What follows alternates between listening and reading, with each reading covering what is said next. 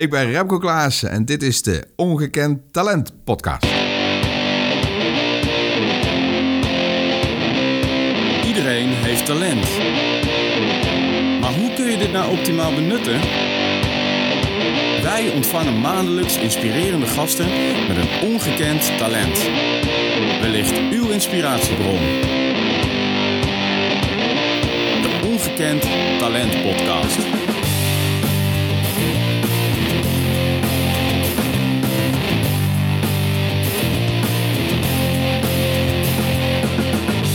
Deze podcast wordt mogelijk gemaakt door Gulliver Trainingen. Hey, we gaan gewoon maar lekker beginnen, toch? Ja, ik heb er denk zin in.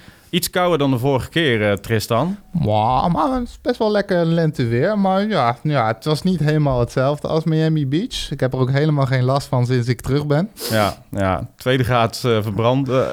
Ja, daar zouden we het niet meer over hebben. Maar oh ja, dat klopt, ja. ja, ja. Maar het was heel gaaf. het was super. En nu hebben we Remco Klaassen bij ons in de studio. Welkom. Dankjewel, ik heb er zin in. Nou, Het ziet er leuk mooi. uit. Wat de mensen die kunnen zien, er staat hier bij bramen, zwarte bessen. Ik heb mozzarella, kaas en worstjes. Het is geniaal. Ik Ja, voel me heel eh, welkom. Wij trappen hier de vitale revolutie Brabant eh, af. En de alcohol dan, komt dat nog? Ja, Achteraf, dat, dat staat achteraf. onder de tafel naast die bitterballen. Maar de, de, echte- de dingen met smaak komen nog. Ja, Oké, dankjewel. Hey, ehm, ja, laten we lekker beginnen met de eerste vraag. Leuk. Nou, eh, wie is Remco Klaassen? Welke rollen vervul jij in het leven? Oké, eh, het belangrijkste is denk ik vader. Drie kinderen, twee meiden. Jongetje Annemijn, 23, Lieselot, 20, Joris, 16. Eh, Ik ben echtgenoot, Marita. Wij zijn dit jaar 25 jaar getrouwd. Gefeliciteerd. Niet Wauw. normaal. We zijn 32 jaar samen, dus dat is eh, redelijk bijzonder. dat is tijd. eigenlijk al een talent op zich, zeg maar. Ik, dat is al spannend. en eh, ja, iemand anders zei een keer... eh, een scheiding kost te duur qua geld, financieel gezien. en dat is een Brabantse zin met zes fouten. Nee, ik hou zielsveel van haar, dus dat is goed. Ik ben ehm, trainer, schrijver, spreker. Dat is mijn, mijn hobby, mijn passie en dus ook mijn bron van inkomsten. Ik praat graag en dan het liefst op een bühne met mensen die naar me luisteren. Ehm, ik ben baasje. Drie honden.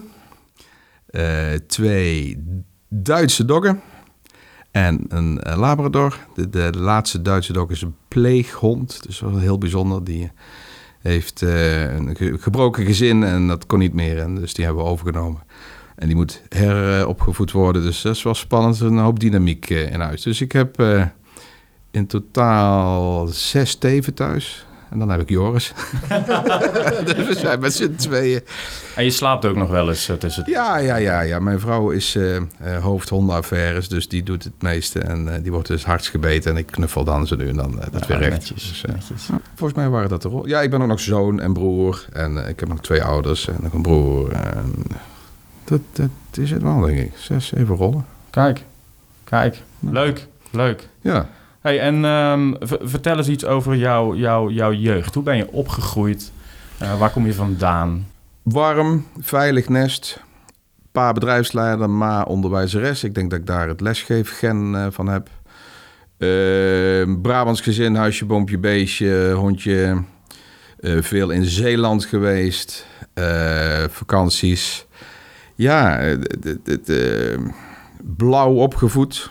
Mijn vader kreeg altijd een zichtbare hartverzakking als, als Joop Uyl op tv was of iets. En als Ukkepuk zie je vader dan een rode kop krijgen. En hij bedoelde eigenlijk dat hij blauw was. En dat neem je dus mee. Dus ik heb een eh, redelijk li- liberale signatuur. Dat is later socialer geworden, want ik vind dat we een beetje moeten verdelen. En dat we eh, vangnetjes voor pekvogels. Maar goed, ik heb ook gestudeerd, dus ik weet weer wat een sociaal bouwwerk kost. Dus ik ben eigenlijk groen rechts, denk ik, of een sociaal-liberaal. Eh, extremistisch vredelievend. Echt fundamenteel vredelievend. Ik vind, je moet, eh, we moeten alles doen voor samen leuk en eh, ge- gelukkig. En iedereen die dat in de weg zit, moet je keihard taseren. Ik weet niet of dat er een politieke partij voor is, maar eh, dat gaan Nou, we nou, nou, onderzoeken. misschien. eh, Misschien kunnen we er een oprichten, Ja, ja. gezamenlijk. Fundamenteel vredelievend. Ja, ja, ja. Hey, en ehm, in het hier en nu. Yes. Ehm, eh, we hebben even eh, met elkaar voorbesproken. Hè? Ja. Ehm, ehm, er zijn ook successen die jij behaald hebt. Yes. Hoe ben je daar gekomen, even in het kort? Oh, hou me tegen. Want het is, het, het is wel een verhaal wat eh, ik graag vertel, omdat het ook een bron is van, van mijn werk. Ik heb gemerkt dat je door goed bedoelende mensen en onderwijsinstellingen en testen en, en assessments en eh, 360 graden vier dingetjes. Eh, dus met een goede begeleiding toch op een verkeerd pad terecht kan komen. Ik eh, heb een eh, IT-achtergrond, ben informatieanalist, dus technisch ingenieur. Dat komt door wat ik op de HAVO deed en de decanen al daar en de krantjes die je toen las. Hè. Je hebt je, je toekomst in je nek en je ouders en je moet toch iets. En wist natuurlijk aan de handel waren een van de weinige vakken waar ik net boven die 5,5 scoorde. Dus het leek heel gezond om de IT, de computertechniek in te gaan. Is me gelukt, maar ik stak wat af bij eh, het, gremium nerds. Toen kwam er een fase dat men dacht van oké, ga maar tussen mens en techniek. Dus commercieel. En toen is de kentering begonnen. Toen kreeg ik te maken met allerlei eh, prachtige andere vakken dan wat mij op de HTS was aangedaan. Dus NLP en onderhandelingstechnieken en communicatieleer. En eh, in essentie mens worden en met mensen omgaan. En dat was voor mij echt zo radicaal anders. En dat, dat gaf een bak energie. Ik denk, daar moet ik iets mee. En ik heb dus een jaartje of vier in de IT gezeten, geprogrammeerd. Microsoft Programming. Daarom ben ik een Apple-fan geworden. Koop nooit meer een PC.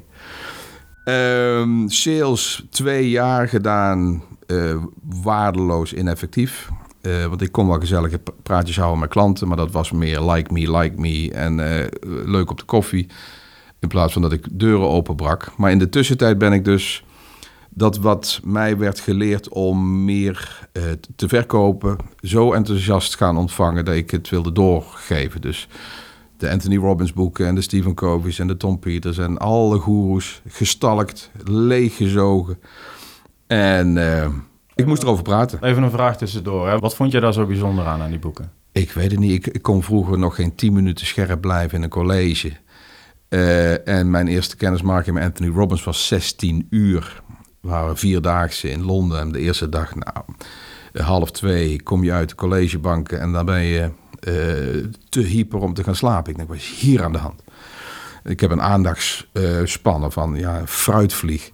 Dus dat, dat, eh, ik denk, hé, hey, wat, wat is hier aan de hand? Dus ik kon wel leren en wel gefocust blijven. En dat was een aandachtspunt eh, door heel mijn opleiding, basisschool, voortgezet en, en HTS. Hoe blijf je wakker?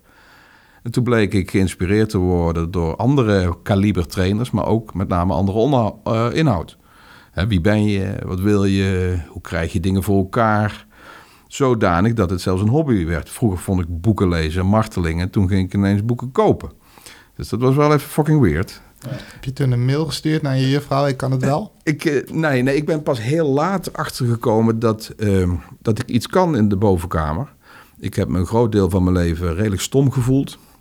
HAVO bij elkaar, gejat. Eh, HAVO was al eh, een wonder, want op de basisschool zeiden ze tegen mijn ouders van... eh, hij is niet leerfähig, laat hem maar wat met zijn handen doen. Eh, dat ging allemaal niet. Nou, mijn ouders dachten van dat klopt niet. Maar goed, je wil niet de ouders zijn die altijd vindt dat je kind eh, briljant is. Dus dat is ook een traject wat lastig is geweest voor, voor hen. Dus HAVO net eh, gehaald, HTS, cum fraude afgerond. En totdat ik een keer in een van de relatietherapieën... We zijn al tien jaar met relatietherapie. Dat is geweldig. Niet omdat het misging, maar gewoon omdat er in onze omgeving veel misging. Denk ik van, hé, hey, we gaan het eens doen. En dat is echt een, eh, ja, daar zijn we fan van geworden. Ga in relatietherapie. Dus eh, dat wil ik alle Nederlanders aandoen. Waarom kijk je ons nou aan? Nou nee, gewoon omdat jullie tegenover me zitten. Oh, en om de hele tijd naar die bak komkommer te kijken. Word ik een beetje mee van... Niet, eh, en weet je, ik heb nou een nieuw cadeau voor je. Niet die jurk die je al tien jaar wil. Schat. We gaan in relatietherapie. Ga je op je knieën met die folder. Want je raadt nooit waar wij naartoe gaan. Nee, dat, dat was wel gaaf. En een van die eerste psychologen die eh, mij zag, die zei... je moet eens wat testjes gaan doen. Dus ik ben door de mangel gegaan bij de Mensa. Weet ik veel wat van dingen allemaal. En toen kwam ik erachter dat er een complete discrepantie was... met mijn beeld over mijzelf en versus die testresultaten. Ik denk, hoe kan ik zo waardeloos hebben gescoord... en ehm, dit, dit soort cijfers uit die testen krijgen? Dus toen kwam ik er dus vrij laat achter dat, eh, ja, eh, deeltje dyslexie, deeltje dyscalculie, deeltje ADD. Ik heb geen idee wat ik allemaal bij elkaar raap. Maar ik kan dus hyperfocussen. En dan in één keer eh, komt er creativiteit bovenop en een stuk bak energie. En dan blijk ik wel iets te kunnen. Dus ook een eh, pleidooi naar al mijn leraren die dachten vroeger dat die Klaassen niks zou kunnen bereiken. Uh, het is anders, maar niet door jullie. Ik zag een gebaar en het was geen duim. Nee, Nee. Dat was, nee dat was, zonde dat de camera's nou... Ja, ja, ja. Welke vraag ging dit nog alweer over? De be- beginjaar of de succes? Oh ja, Nou, dit ging, dit ging op hoe je opgegroeid was in het ja. Ja, en hoe je bent gekomen tot, Tot waar je nu Ja, dus aan, per, per ongeluk aangegaan. Eh, in de tijd dat ik merkte dat ik sales kon, maar niet was. En dat ik praten leuk vind, maar niet in een dwingende vorm om te zorgen dat daarna iemand iets van je koopt. Maar meer in een inspirerende manier. En dat, dat was zo anders. Dat beleefde hè, de binnenkant eh, zo anders. Dus dat is ook mijn pleidooi naar veel assess- assessoren en zo. Mensen kunnen op, op cognitieve levels best die testjes doen omdat ze weten in welke richting ze moeten antwoorden. Van, goh, ik wil graag die managementfunctie. Dan ga ik me laten assessen op, op, op eh, managerial skills. En dan vul je die dingetjes in zoals ja, je denkt dat het hoort. En dan redden ze het vaak. Slimme mensen kunnen dat. Maar het feit dat je je test redt... of je, je 360 of een eh, Myers-Briggs... die matcht met het carrièrepad wat jij voor ogen hebt... wil nog niet zeggen dat het carrièrepad matcht. Bedoel je daar ook mee bijvoorbeeld ehm, dat je eigenlijk een soort test doet, terwijl je al weet wat de beloning wordt als je die test goed doet? Ik dat is een dat soort self-fulfilling prophecy. zeer achter? carrièrebewust daarmee bezig zijn. En dan wordt de, de wens wordt de strategie en de strategie wordt het doel. En dan redden ze het ineens. Totdat je midden in je veertig met een burn-out van een paard in een functie zit waar je niet meer uit durft. En ik had dus per ongeluk op tijd, want ik was denk ik 6, 27 toen begon te knellen. Ik denk van hé, hey, het, het, deze pakket cellen kan met dat talent wat ik heb op één manier helemaal leeglopen en op de andere manier helemaal vol raken. En dat heb ik dus voor een burn-out. Ik heb geen burn-out hoeven hebben om dat te ontdekken. Want dat is ook de reden waarom ik voor een deel zo enthousiast ben om mensen maar te beuken op. Let op je energie. Sommigen gaan pas echt na de grote hamer voor het eerst een assessment doen. Echt een assessment naar binnen van hé, hey, wat geeft en wat kost mij energie? Maar ik weet niet of jullie al burn-outs aan de podcast eh, microfoon hebben gehad. Dat is iets wat je niemand wenst. Je bent volledig in de war. En dat is dus echt best een, eh, een, een helle rit. En, En dat- tegelijkertijd, wat je zelf in jouw boek Ik aangeeft, is het ook weer ehm, iets wat je even reset. eh, En wat je mensen ook wel weer gunt om die zoektocht opnieuw te starten. De meeste burn-outs die ik heb gesproken of gecoacht, die zeggen achteraf allemaal: het was de beste opleiding ever. Maar ja, als je dan de prijskaartje, het prijskaartje bekijkt van, poeh, jezus, eh, het, zou ook zonder kunnen. eh, zou ik willen, eh, zou mijn pleidooi zijn. Dus ik heb het geluk, gehad dat ik viel letterlijk over mijn passie. En dat ik ook een werkgever heb gehad. Ik, Hightech Automation werkte ik toen, was Henk Dijkstra. mijn baas en broodheer. En die, die, die, die, heeft mij de ruimte gegeven om te exper- experimenteren met die nieuwe job. We hebben een legendarische boswandeling gehad. Waar ik als commercieel manager de bos in ging. En als eh, personal development manager eruit kwam. Dat hebben we gewoon verzonnen in die rit.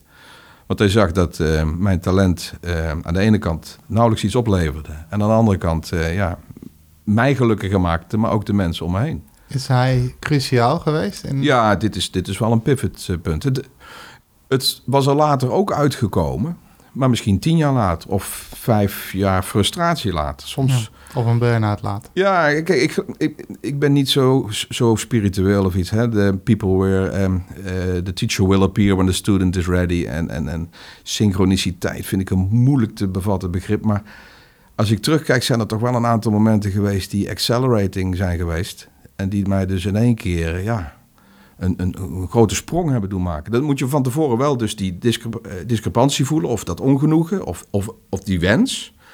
Maar dan heb je soms van die momenten, dan... dan bijvo- bijvoorbeeld mijn, eh, dat klinkt dan gek om over jezelf te pra- praten, maar de doorbraak die ik had in het volprogramma van Kofi. Er zijn een aantal kettingjes terug te herleiden die daar aan vooraf hebben gegaan. En dan ben je dus niet in één keer voorprogramma van Stephen Covey. Dat er is een hoop gebeurd. Maar door dat event kwam er weer een enorme katapult naar eh, ja, meer zalen, andere tarieven. Dan denk je, ja, is dat dan geluk? Maar ja, het is een chain of events die, die, die eigenlijk al is ingezet vanaf het feit dat ik eh, ja, HTS niet had moeten doen eigenlijk. En is die teleurstelling dan nodig geweest om te komen waar je nu bent? Ik denk dat onbehagen een geweldige drive kan zijn. Dat het niet lekker in je vel zit. Kijk, als je op je 28ste... Nee, dat was eerder. Ik denk op mijn 26 moest ik een keer naar een klant. En die belde af. En toen ging ik kwispelend huiswaarts. Nou, als je op je 26ste ijsvrij friemels in je onderbuik krijgt... op het moment dat je hoort dat je je beroep niet hoeft te doen... is er iets aan de hand. En dan moet je nog enorm lang. Dus, dus ehm, is dat geluk? Ja, gelukkig was ik toen niet tevreden. En dat kun je omzetten in drive. Sommige mensen verzuren en raken in, eh in klaagzangmodus. En dat, dat, daar vergroeien ze mee. Dan lijkt bijna dat ze nergens anders meer over kunnen praten dan over hun leed. Nou, daar word ik ook niet vrolijk van.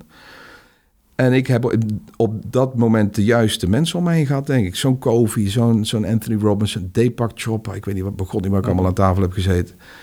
En die hadden allemaal maar één doel. En dat is buig het om in iets moois. Maar, hoe, maar hoe voelde dat voor jou? Ehm, het ombuigen of het nee, nee, Meer dat je niet goed zat. Want ik denk dat heel veel mensen accepteren van... oké, weet je, er zijn mensen die zeggen... hey, ik kom s'avonds thuis, dan is het prima. Werk hoeft niet leuk te zijn. Ja, ik vind dat zo'n. Ik vind het een beetje een laffe instelling. Een soort geaccepteerd leed van ja, hè, de werkethos. de- Je moet bukken en kruipen voor je muntjes. En het weekend word je. Ik, ik ben heilig van overtuigd dat geluk eh, verder moet reiken dan alleen je hobby en je weekenduren. En, en ik, ik geloof heilig dat dat voor iedereen mogelijk is. Ik bedoel, de reden waarom ik eh, bij jullie aan tafel wilde zitten, dat herkent talent. Iedereen heeft het. Maar de systemen die wij nu hebben opgetuigd in Nederland zijn niet zodanig sterk dat mensen automatisch op hun gelukspassie-talenthoek komen. Ik, ik, vind, maar goed, ik wil niet te zuur in deze podcast, want ik inspireer graag. Maar eh, de, de significant moments die ik nodig heb gehad voor mijn huidige succes en geluk, staan haaks op de momenten die het onderwijs mij hebben gegeven. Daar heb ik eerder de meest foute beslissingen doorgenomen. En dan zal alles wel een reden hebben gehad. Mijn HTS-diploma heeft gemaakt dat ik bij BSO mocht begin- beginnen. En Eckhart Wins eh, had zoveel drive om mensen te helpen groeien... dat ik daardoor een opleidingsbudget kreeg. En toen is het allemaal goed gekomen. Dus kun je zeggen, ja, je hebt je HTS fucking nodig gehad. Anders kon je niet bij bloody eh, BSO beginnen. Maar dat wordt wel een hele dunne rechtvaardiging van alle foute stappen. Als ik alles opnieuw had moeten doen... eh, zou het heel anders zijn gegaan. Dan denk ik kinderpsycholoog of arts. Of... Maar heb je niet know. nodig? Dit heb je nodig gehad. Ja, maar dat is Toch? terug, Dat is- terugredenerend. Hè? Bijna alles is wel eh, recht te breien. Wat ik zo graag zou willen, maar dat staat haaks op wat wij nu hebben ingericht in het onderwijsland. Het, eh, eh, dat je eigenlijk tot je 22e bezig gehouden wordt met een stukje dienstplicht. Met was eens een, eh, een reet in de, in de mantelzorg, graven ze een put in Darfur. Leer is autoriteitsgevoeligheid. We hebben, we hebben alle drie een militaire periode gehad, in meer of mindere mate aan tafel hier. Dat heeft me zoveel gegeven. Ik zou mijn zoon dienstplicht gunnen. Wat ik bij de marine heb geleerd als marineofficier was, was goud, was puur goud. En tussen 22 en 28 gaan er andere systemen werken. Ik heb eh, een belangrijke les van Dick Swaap was. Die heeft een, een, een hersengebiedje ooit ontdekt. Wat eigenlijk na je 22e pas aanwakkert. En dat gebiedje eh, voor het eerst triggert je om over de daggrens te denken. Van, goh, mijn ouders kunnen dood. Jezus, ik heb eierstokken. Eh, misschien moet ik eh, voedsel gaan vergaren.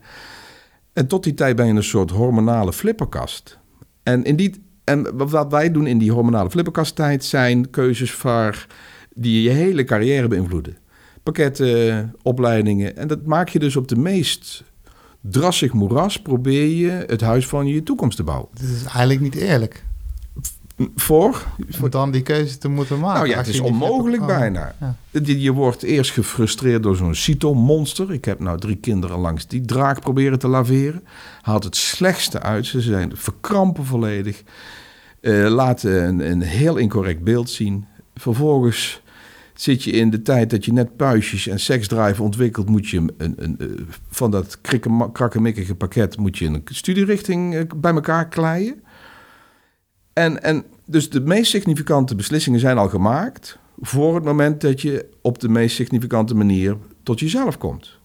Maar ja, wat moet je dan doen? De- de- pas op 24 een student eh, een studietijd beginnen? Dat, dat, is, dat is niet mogelijk.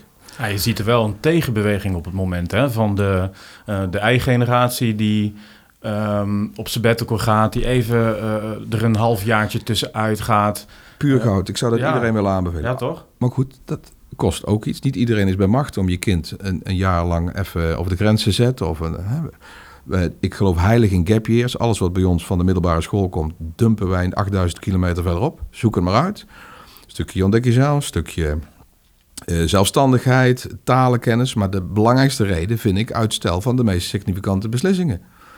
De, de, de, onze oudste ook. Fantastische meid, multigetalenteerd. Vond de zorg leuk en muziek leuk en textiel leuk en mode leuk en make-up leuk en onderwijs leuk. Ik zeg, oh mijn god, jij moet eerst eens een jaar aan jezelf snuffelen. Daarna kwam ze terug, wist het nog minder. Toen hebben we haar gemanipuleerd richting de hotelschool. Want dat is het meest algemene wat ik ken. Daar zit legal in en finance en, en HR en hospitality. Ik denk, ik ga daar maar heen. Ja, maar ik wil niks in de horeca. I know, lieve schat. Maar dit geeft wel een basis. En, maar goed, dat zijn dus de perikelen die ik beleef als vader. Dan heb ik dus al die kennis verzameld van al die goeroes... en die deel ik dan op de bühnes. Hè. Maar hoe, hoe vertaal je dat in je ouderrol?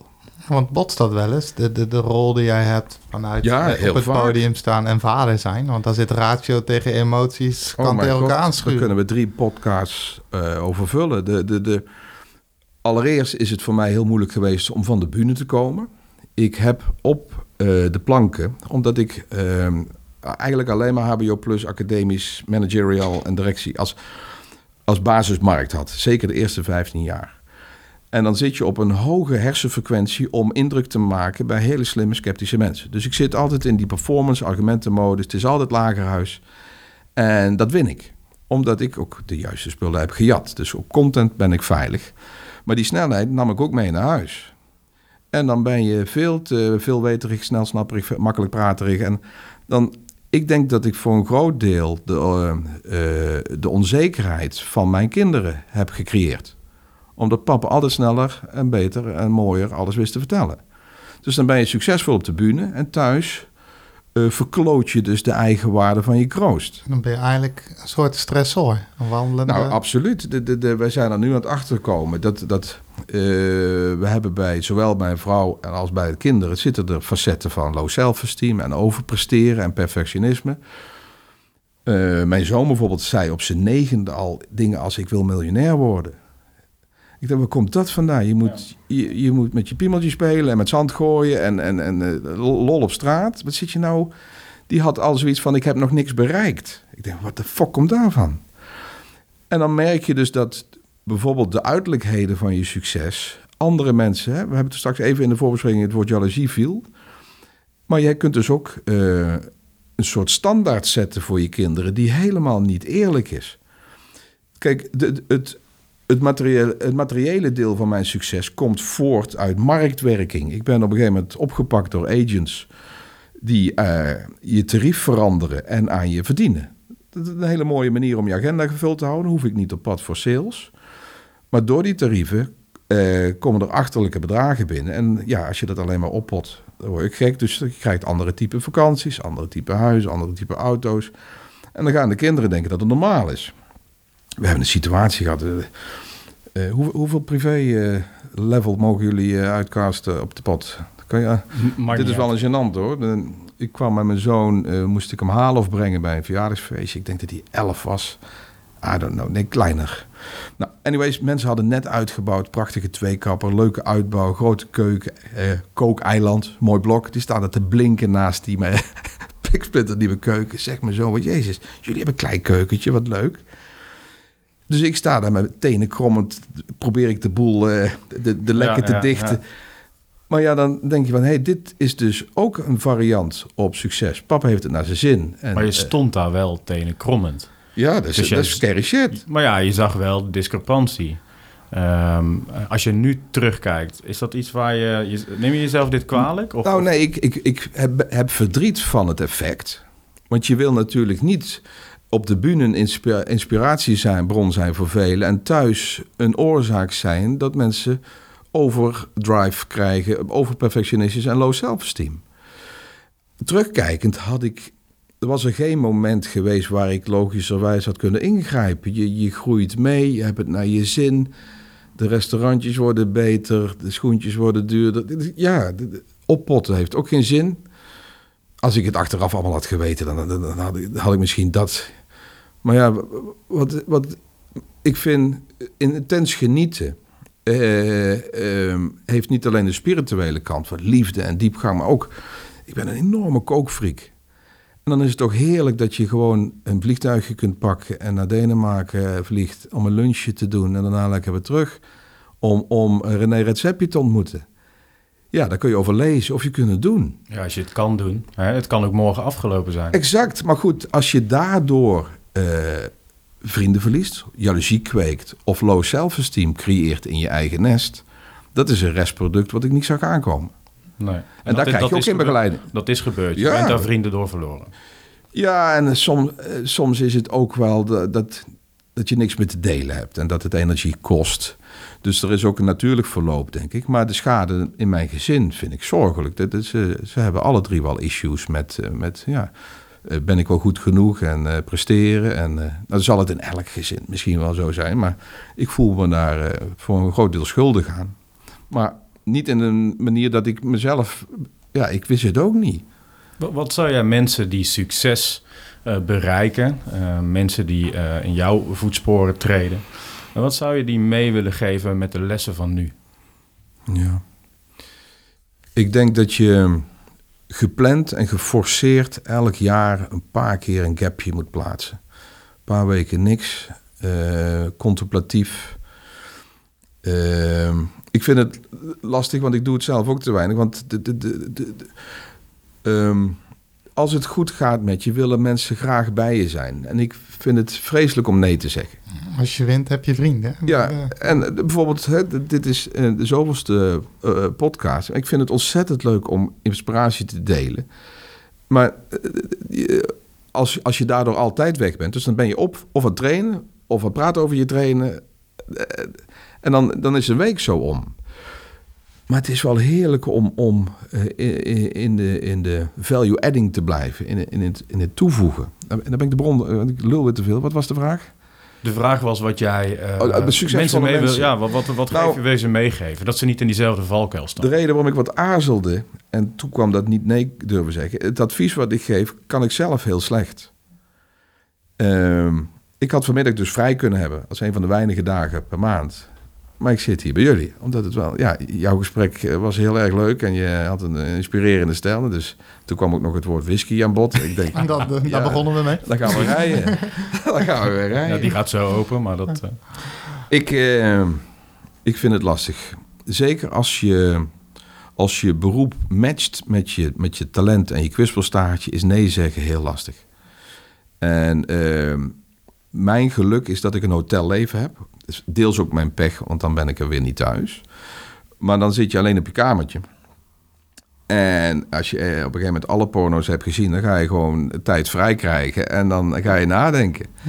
En daar komen gaat die dan wel ook een stuk makkelijker. Ja. De combinatie is ook zo lastig. Het ziet er allemaal niet uit. Dus dan krijg ik, en dan heb ik mijn contemplatieve momenten in, in eenzaamheid en stilte. En dan komen de nieuwe boeken ideeën. En dan plan ik ook bewust de, de uitetentjes. En de, eh, ik ben een redelijke cocooner. Dus eh, we komen allemaal graag bij elkaar in het weekend. En die balans, want anders wordt één rol, dus de ondernemerrol, te groot. En dan, eh, dan verlies je het van het leven. En ik, ik heb daar een vraag, eigenlijk twee vragen over. Want je verliest het van, je, van het leven, zeg. Maar we hebben het er ook in voor de podcast begonnen al even over gehad. Verlies je jezelf dan ook niet voor een deel? Dat je eens afvraagt van Ja. wie, wie ben ik en wat gebeurt mij allemaal? En is, hoe, hoe eng is dit? Ik denk dat stilstaan bij geluk belangrijk is. Ehm, ik, ik, ehm, sinds ik in dit beroep zit, snap ik bijvoorbeeld Tina Turner. Die heeft 16 comebacks gehad. Of iets. Je gaat die bühne missen. Het is, het is iets wat, wat fijn is en wat bij je hoort. Ook verslavend? Ja, absoluut. Als ik eh, een lange vakantie heb gehad, dan, dan heb ik weer zin om te trainen. En dat is dus niet alleen de drive om, om waarde toe te voegen, maar ook gewoon de aandacht die je krijgt. Het is een ultieme waarderingsengine. Dus dan heb ik het absoluut niet over eh, de, de factuur die volgt, maar gewoon dat mensen blij zijn met je en een handtekening komen vragen. En, en eh, met hun verhalen komen, dat, wat je hebt betekend in hun leven. In de kast, uit de kast, stoppen met werken, beginnen met allerlei dingen. Dat is heerlijk. ik, ik denk dat ehm uh, ertoe doen een van de belangrijkste componenten van geluksbeleving is. Je waardevol voelen. Alleen, ik denk dat als het te hard gaat... Bijvoorbeeld zo'n applaus van de grote zaal is heerlijk. Maar als je dan s'nachts weer naar je hotelletje... en dan weer moet inlezen op de volgende ochtend... dan je, hebt, je zou eigenlijk één per week... en dan oh, tot, tot het weekend uitglijden, uitdrijven van geluk... en dan weer in. Maar dat is ook een gevangenis waar je in komt te zitten. Doordat je een drukke agenda hebt, komen er steeds meer gelden binnen. Daardoor ga je langzaam je comfortlevel verleggen. En blijk je op een gegeven moment te ontdekken dat je, wil je dat comfortlevel behouden, dat je ook die agenda moet behouden. En dat is ook wel een dingetje waar je niet in begeleid wordt op het moment dat je succesvol wordt. Je, je krijgt steeds meer adviseurs die ook maar ja, hun, hun, hun, eigen tarieven proberen te rechtvaardigen en met kilo's advies komen. Waar ik ben al een stuk of tien keer bestookt met echt best wel rapporten van enig formaat dat ik moet gaan franchisen en hard en soft en mensen in dienst, omdat ik naar hun mening toch nog veel te weinig haal uit mijn uh, marktwaarde. En gelukkig heb ik dat redelijk weten te pareren, want ik, bij de gedachte alleen al word ik helemaal ziek. Ik, ik geef graag les over leiderschap, maar ik, ik denk dat ik het nog geen week zou volhouden. Ik heb geen geduld. Ik ben een redelijke fomper voor de mensen die mijn... Eh, en was dit dan een les zelfleiderschap? Ja, nou ja, niet echt heel bewust, want ik was er... Ik denk als je een goed verhaal had gehad... Ik ben wel een paar keer gevallen voor, voor mensen met een inspirerende uh, verzoek. En uh, jaren later en veel energie later kom je erachter dat het toch niet heeft gewerkt. En dan had ik, ja, ben ik dan niet bij mijn gevoel geweest. Heb ik me dan laten verlekkeren door hun sales pitch. Ik, het is ook wel heel moeilijk om bij jezelf te blijven als de wereld zo hard aan je trekt. Er komen zoveel paden voorbij. En uh, ja, de, de verleidingen zijn, uh, zijn fors hoor. Als ik nu dan hoor, hè, want eigenlijk de hoofdvraag was: wat zou jij die mensen aanraden? Ja. Ik hoor aan de ene kant hoor ik je zeggen: um, um, je verschuift je norm, de waardering die je ontvangt. Uh, je wil steeds meer waardering krijgen om zeg maar uh, een geluksgevoel te creëren. Ja, het is een drug aan het worden. Ja, ja dat, dat hoor ik je zeggen. Dat is één. Dus dat zou een tip kunnen zijn. Um, hoe leer je uh, daarmee om te gaan? Af en toe in de spiegel te kijken en te zeggen: moet ik wel drie volle zalen per week hebben? Of ga ik er niet eens één per week doen en daarvan genieten? Hoe moeilijk dat ook is. Ja. Uh, dat zou er één kunnen zijn. Ja, maar doe me maar dat je het zegt, vind ik het alweer heel eng. Ik ben een zeer, zeer bange ondernemer. Ik heb altijd zoiets van binnen is binnen en uh, dan rust ik in december wel uit. Maar dat gebeurt dus niet. Ik ben ook elk jaar bang dat het afgelopen is. Wat is de houdbaarheid van een trainer? Ik bedoel, ik ben een redelijke one-trick pony. Ik heb een aantal goede producten en die herhaal ik vaak. Dan zeggen ze, ja, wil, wil je iets wat ander onderwerp? Ik zeg, nee, dit is waar ik gaaf vind. De, hoe, de Bijbel wordt ook niet elke maand herschreven. De... En, en, waar komt dat vandaan? Want dat is een soort angst, hè? Kan je dat verklaren? Ja, ik, de, een van mijn uh, belangrijke kernwaarden is een stuk zekerheid, een stuk stabiliteit. En ik heb dan ergens in mijn hoofd een kronkel dat ik denk van als, als dat bedrag maar op de rekening staat, dan volgt de rust wel. Maar dat is altijd voor je uit en dan krijg je weer een dure maand en dan. Uh, het, het, is nooit af. Dus, uh, dus ik heb wel twijfels bij mijn eigen advies. Want die, die gaps nemen om, om in contact te blijven met zowel jezelf als in het leven is dus best lastig. Die red race is zo dwingend.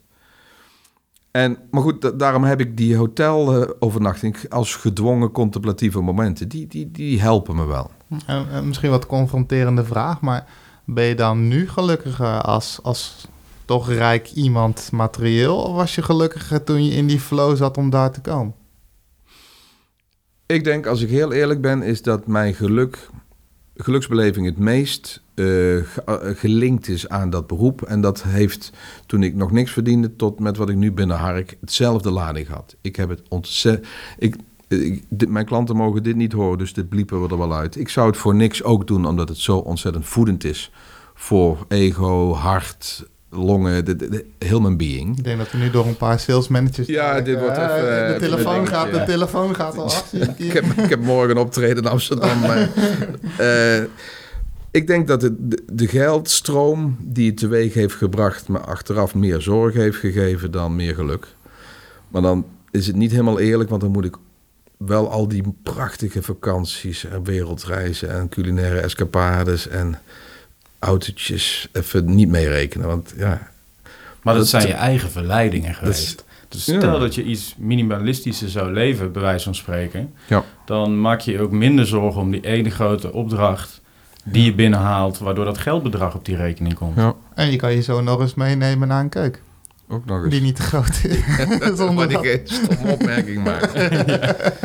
ja, oké. De- de- de- Om dat om te vormen in een advies is ook heel lastig. Je, je, je groeit mee.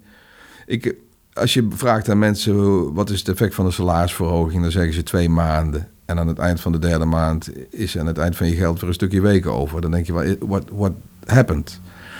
Dus of ik dat had kunnen ingrijpen achteraf, ik weet het niet.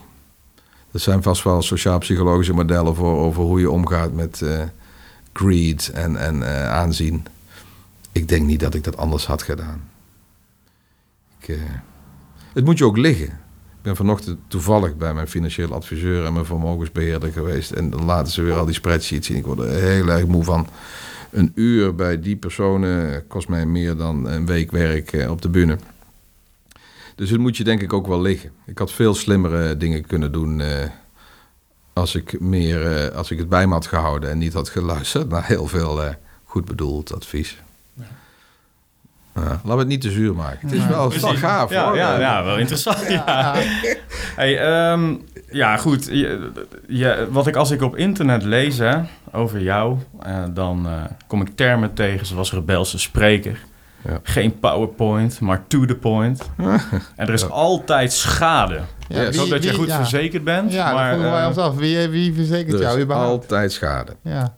Eh, meestal eh, vanuit inspiratie dat mensen dingen oppikken.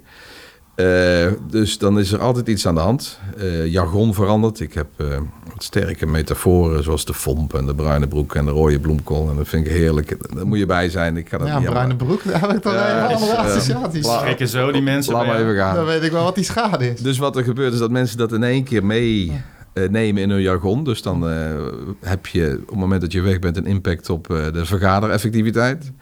Helaas soms ook door stress, eh, verbazing of walging. Mijn stijl is redelijk expliciet en eh 18 plus.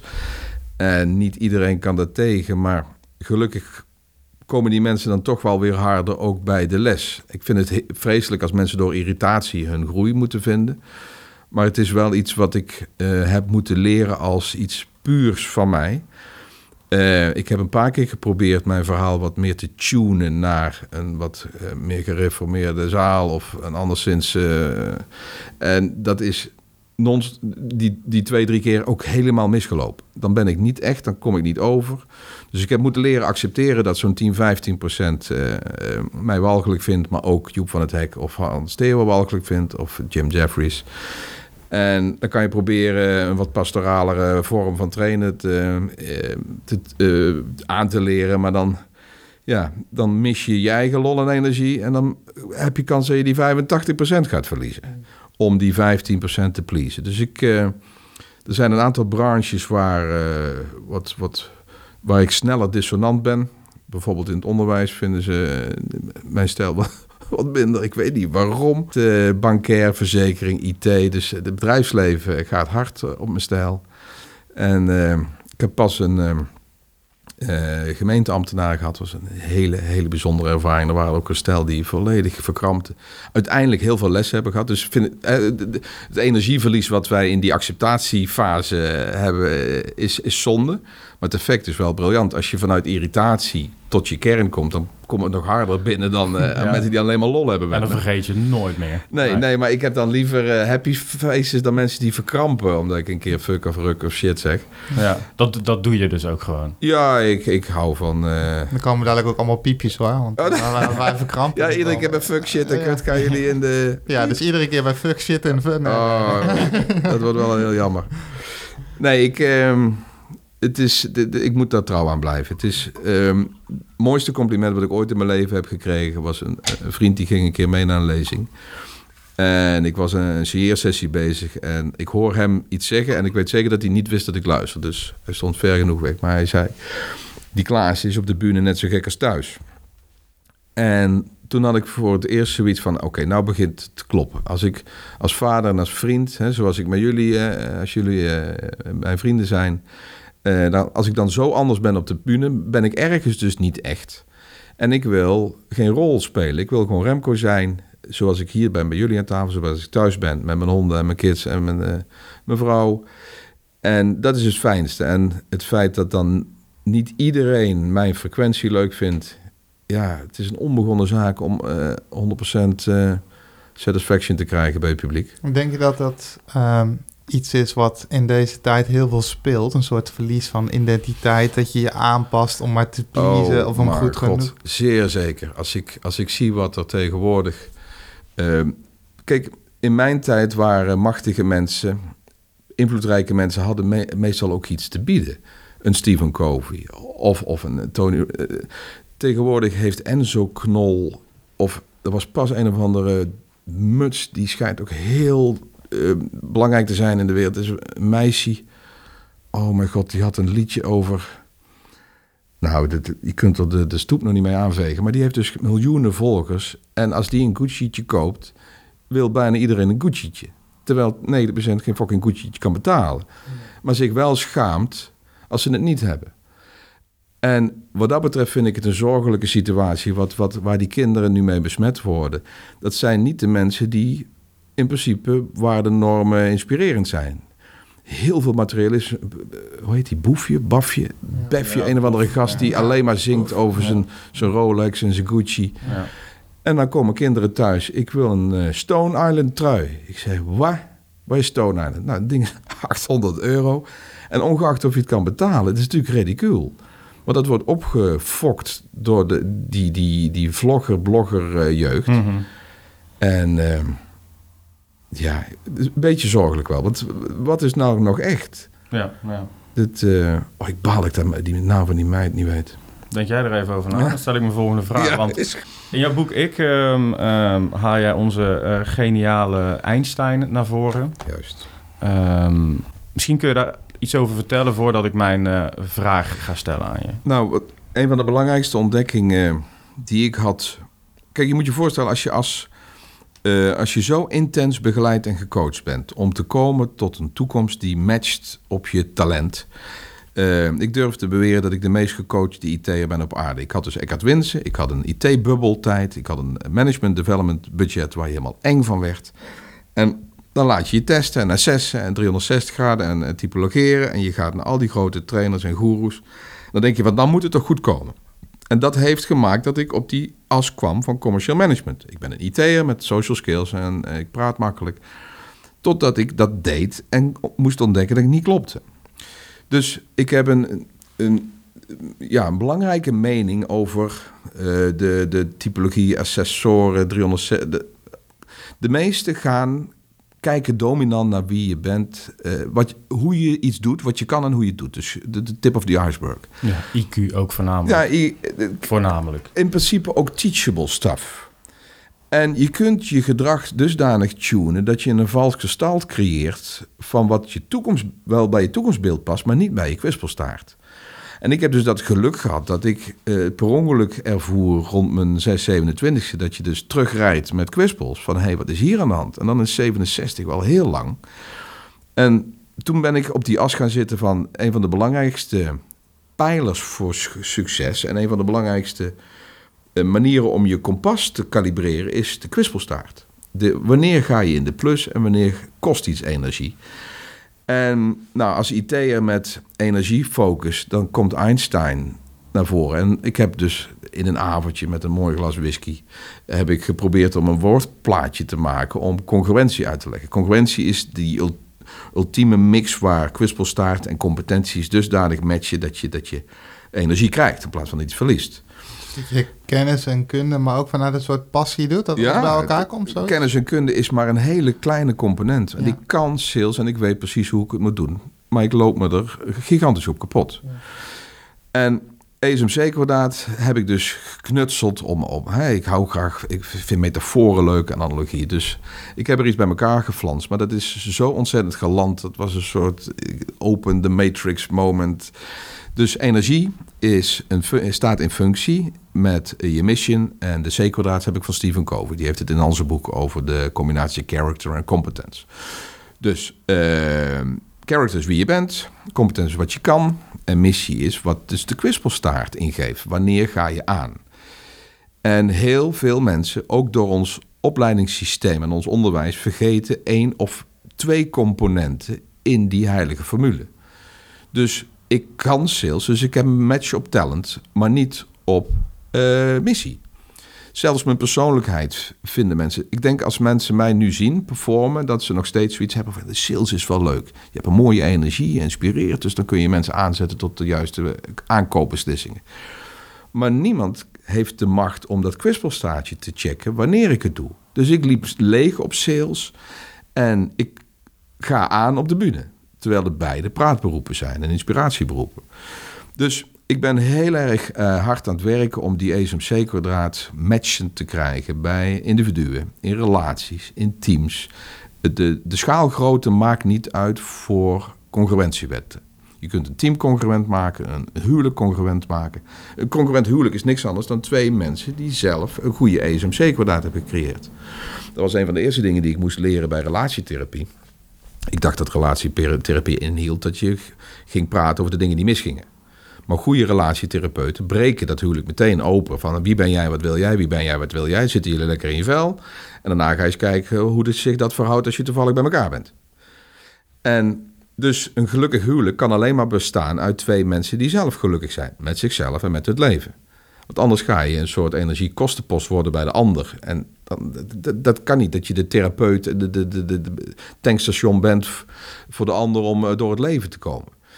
Dus ESMC-kwadraat werkt op groepsniveau, op individueel niveau. En ik denk dat we de wereld congruenter kunnen maken als we beter leren uh, paden vereffenen waar mensen dus ontdekken waar ligt die energie en hoe match je dat op de beste manier met je talenten. En daar wil ik op aanhaken. Um, maar we hadden het net over die vloggers. We hadden Yes. het over die Gucci-tasjes. Daar gaan uh, die mensen dus van kwispelen. Een dat, is geen goede, dat, dat is geen goede missie. Absoluut niet. Je, Wat moeten we daarmee? als, als, als kinderen hun geluk gaan afmeten van, van het aantal tasjes wat ze hebben, dan hebben we een hele verkeerde bocht ingeslagen.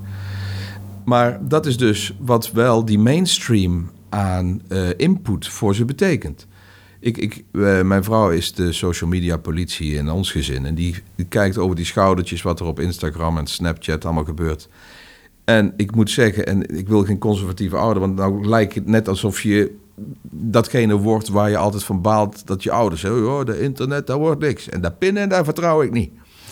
Ja, ik wil niet zodanig verzuren, maar dit lijkt toch echt wel een, een weg in te slaan die mensen eerder van zich afbrengt dan dat het iets moois oplevert. En samenheid en, en, en, en eh, kwaliteit van leven. Ja, uit, onderzoeken komt het ook letterlijk naar voren. We worden oppervlakkiger door een soort valse eh, beeld van geluk. Je ziet alleen maar de mooie verhalen, maar dat je bijvoorbeeld kotsend boven een wc hing omdat je al drie weken niet kon slapen omdat je een presentatie moest geven, dat zie je dan niet. Doen veel leidinggevenden niet hetzelfde. Dat je naar je beoordelingsgesprek komt, die kijken van dit moet jij kunnen voor je functie. Uh, je hebt dit goed gedaan, dus we kijken alleen naar dat vlak. Ja. Wat een van de dingen waar ik me heel erg hard uh, voor aan het maken ben, is dat er een scheiding komt in de begeleiding van medewerkers. Enerzijds een performance as, want je kunt de baas ook niet de schuld geven dat hij kijkt naar een medewerker als een asset, een, een performance entity. Want dat, dat zit in het systeem. Uiteindelijk moet die spreadsheet kloppen en die aandeelhouderswaarde ontstaan.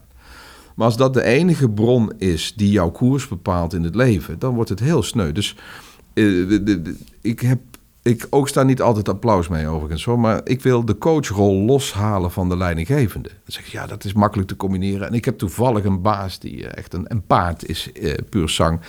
Maar oh wee, als de schoen wringt, dan wordt die empaat ineens degene die tegen jou moet zeggen van, ja, we hebben, ik heb goed en slecht nieuws. Hè? We hebben ontdekt dat we niet zonder jou kunnen, maar we gaan het vanaf maandag toch proberen. En dan wordt het heel erg lastig. Een iemand die jou kan helpen je kompasnaald te kalibreren op je kwispelstaart, dat moet iemand zijn die geen businessbelang heeft. Dus niet naar jou kijkt als een eh, waardevolle asset. En dat moet je dus of inkopen, of stel dat je daar geen budget voor hebt. Ik heb wel eens iets verzonnen, dat heet cross-coaching. Dan maak je baas A van team X, maak je de coach van team Y van baas B. Niet de man die die video's maakt, maar... En, maar dat is, en daar mag dus geen overleg over zijn. Want anders kun je nooit een omgeving creëren... waar iemand kan zuurzakken en kan huilen en kan boos worden... omdat het niet loopt. En degene die het minst geschikt is voor du moment dat het niet meer spoort... is de baas die de spreadsheet verantwoordelijkheid heeft. Die jou als performance eh, entity heeft. Dus um, ja, bazen doen in principe hetzelfde... omdat ze heel eenzijdig naar een mens kijken. En dan weet ik zeker dat er tienduizenden misschien nou gaan denken... ik heb wel de menselijke maat en ik kijk verder dan alleen maar de, het aandeel... wat hij in het team heeft voor, voor het bedrijf. Maar dat is heel lastig als jij daar verantwoordelijk voor bent. Eigenlijk een soort belangenverstrengeling bij Ja, voorbaat. is niet los te koppelen. Dat is heel lastig. Mijn laatste werkgever was Ordina. Daar hadden we BUMS, Business Unit Managers. En die hadden purchasing, eh, dus, dus inkoopverantwoordelijkheid, sales en HR. Alsof, alsof dat gewoon maar past bij één functieprofiel. Van ah, coachen doe je er ook maar bij. Ik, eh, ik ben met een heel nieuw initiatief bezig. Dat heet Synergy bij het een bedrijf. In, ja, dat, de podcast daar moeten we ook Ja hoor, ja, absoluut. ja, Invitra is wel een held. Het is per ongeluk op mijn pad gekomen. En wij hebben een nieuw systeem ontwikkeld waar we vol ingrijpen tussen medewerker en baas. Waar ik eigenlijk een stukje schaduwcoaching ga doen naar de leidinggevende, alles naar de eh, werknemer.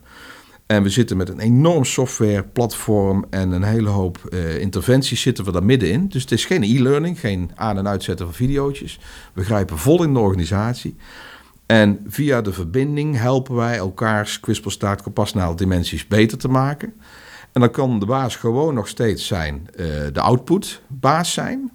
En de werknemer kan gewoon ook eh, onvrede uiten. En eh, de, ik help die, die soms verzuring om te buigen naar eh, meer grip op je toekomst. Hoe kun je dat om, omzetten? En ik word dan geaccepteerd als een soort schaduwcoach. En dan help je ze allebei op de juiste manier toch mooie dingen met elkaar te doen. Dus je gaat of een team krijgen wat steeds congruenter wordt, of mensen die uit zichzelf ontdekken: ik ben niet congruent en vertrekken. Dat lijkt een naar resultaat als je een interventie doet op persoonlijke ontwikkeling. Maar dat is heel gezond als mensen er, voordat ze een, een zure vlek worden, erachter komen van hé, hey, het moet anders of ik moet weg. En dat is een deel wat mijn, mij, als je het hebt over de grootste frustratie in mijn eh, trainers-coaches-leven, is dat je eh, een soort side act wordt. Een paar keer per jaar maak je je hoofd leeg om even weer in de schoolbanken te kruipen. En dat, dat geeft gewoon niet genoeg borging. En dan probeer ik wel nazorgtrajecten te verkopen, maar dan is het, ja, het budget alweer op. Of ja, zoveel billable uren kunnen wij niet eh, afstaan, want... En dan nou, krijg je al de, de reguliere smoezen van ja, we moeten wel de targets halen. Dus ehm, ik heb nou iets ontdekt en daar heb ik dus eh, zeer veel fiducie in. Dat wij ingrijpen echt op een manier dat het niet meer een, een agenda-ding wordt. We gaan twee, drie keer per jaar op de hei. Maar dat je de, volledig inaugureert in alle beslissingsbomen eh, op alle lagen. En dat is, dat is wel iets eh, Ja. wat verder reikt dan alleen zakelijk belang. Dat moeten we dus ook eh, landelijk uitrollen. En, en zit daar ook een soort van, Wouter het Hart, een soort bedoeling versus beheersing in? Hè? Van je, je kan mensen beheersen van je doet deze regel omdat het moet. Of je kijkt van wat is nou de bedoeling waarom we dit doen als organisatie. En dat je dus van, hè, vanuit die bedoeling werkt. Juist. Het is een non-stoppe vragende stijl. Wat maakt jou gelukkig? Wat geeft meer energie? Wat geeft meer kwispeling? En dat ook... eh, dat ik geloof, hij, hij- succes heeft eigenlijk maar twee kanten. Hè? Dus eh, als ik leiderschap dan heel kort moet samenvatten... is het weten wat je wil en dat transformeren in voordeel naar anderen. Dus een contribuerend aspect. Als je een oplossing bent van andermans probleem... heb je je hele leven werk. Als de manier waarop je die oplossing inregelt... in lijn ligt met je kwispelstaart... heb je je hele leven leuk werk.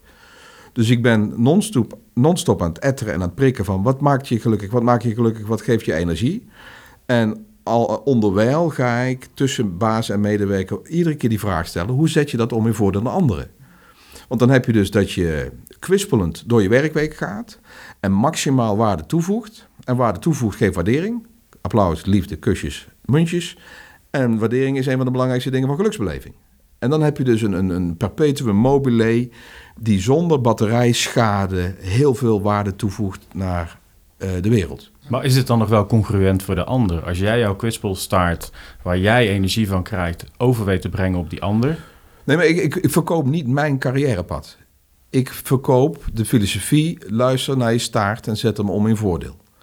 Dus, eh, Maar dat kan ook betekenen vertrekken bij dat bedrijf. Ja, dit, dit- het kan ontstaan, maar dan denk ik, ik... heb- Ik heb een lezing gehad waar iemand naar me toe kwam... die was eh, nogal gegrepen door een aantal onderdelen. Die zei, als ik jou loslaat in mijn organisatie... dan gaat de helft weg. Ik zeg, ik denk dat we eens een keer moeten gaan praten... want dan kan ik nu zonder een eh, assessment al, al aangeven... waar er zoveel misgaat. En mensen gaan niet per definitie weg... als ze gelukkiger en congruenter worden. Ze gaan of meer waarde toevoegen op een manier die minder energie kost... Of ze gaan eerder en uit zichzelf weg voordat ze een, een dossier worden. Ehm, eh, ik weet niet of jullie al iemand op de post, podcast hebben gehad die oud, oud, oud placement regelt. Wat dat kost aan tijd, geld, energie en hoe emotioneel dat kan zijn. Dat zijn echt trajecten die, die jaren kunnen duren met heel veel verzuring. En als mensen uit zichzelf erachter komen dat het anders moet en daardoor gelukkiger worden, ben je een startblok geweest voor iemands nieuwe eh, geluk. En dat is een hele andere exodus dan vechtend en eh, met UWV shit. Maar hoe moeten dan bedrijven hun organisatie daarop inrichten? Want als ik kijk naar eh, bedrijven zoals het ministerie van Defensie... eh, zo zijn er nog andere bedrijven die ehm, ehm, eh, heel hiërarchisch ingericht zijn. Ja. Ehm, zelf was ik ooit corporaal, ja, eh, gestudeerd. We hebben het er eh, over gehad. Dat was Mhm. nogal binnen Defensie. Heeft Ja. dat met jaren gekost voordat die talenten ontdekt werden... en dat ik werk mocht doen eh, Ja. wat ik nu doe.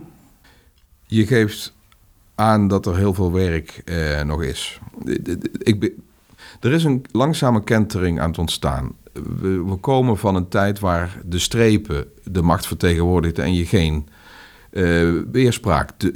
Je was corporaal en er zat een sergeant onder. Of, nee, het is andersom, een sergeant zit boven. En dan was het oké, doen. Geen OR, geen medezeggenschap gaat, geen stakingsrecht, gewoon standaardconformiteit. Nou, die, die wij zijn niet meer zo autoriteitsgevoelig. Dus dat zijn we aan het voelen. Maar er komt dus een vreemde spagaat in leiderschapsland. Dat mensen als leidinggevende ontdekken dat ze nog steeds een top-down verantwoordelijkheid hebben voor de output van eh, de, de medewerkers. Maar dat ze alleen nog maar bottom-up mensen kunnen faciliteren tot het doen van de juiste dingen. En dat vergt een nieuwe dimensie leiderschap met heel veel inspiratie, heel veel, heel veel geduld en Hè, dat, dat, dat ontvompen. Hè. Ik heb die vomp-metafoor voor mensen die het niet weten. Dat is mijn metafoor voor hoe leiderschap niet meer moet met die oude conventionele buizenpost. Iedereen sluit zich één keer per week aan in de, in- op die buis en dan vomp. Dan krijg je een andere beleidsruft of een ander waarde systeem of een nieuwe slogan. Dat moet weg. Wij, de leidinggevende moeten eigenlijk leren inzien dat de groei van een organisatie een lineaire effect eh, afhangt van het geluk van de medewerkers en de waarde toevoegen. En dan kun je wel zeggen, ja, ze hebben deze studie en ze hebben gekozen voor het werken bij, bij deze werkgever en nou moet je gewoon je best doen. Dat is weg. Dat is weg. We hebben zoveel sociale vangnetten. Je, dan worden, gaan ze de ziektewet in. Burn-outs zijn tegenwoordig ook aan de lopende band. Dan, dus Kost overigens ook genoeg geld voor bedrijven. alsjeblieft, heb je dat wel eens berekend? Ja, rond de 60.000 Ik denk dat bedrijven steeds meer gaan inzien dat eh, happy workers, gelukkige mensen, eh, de beste manier is om ze duurzaam inzetbaar te houden.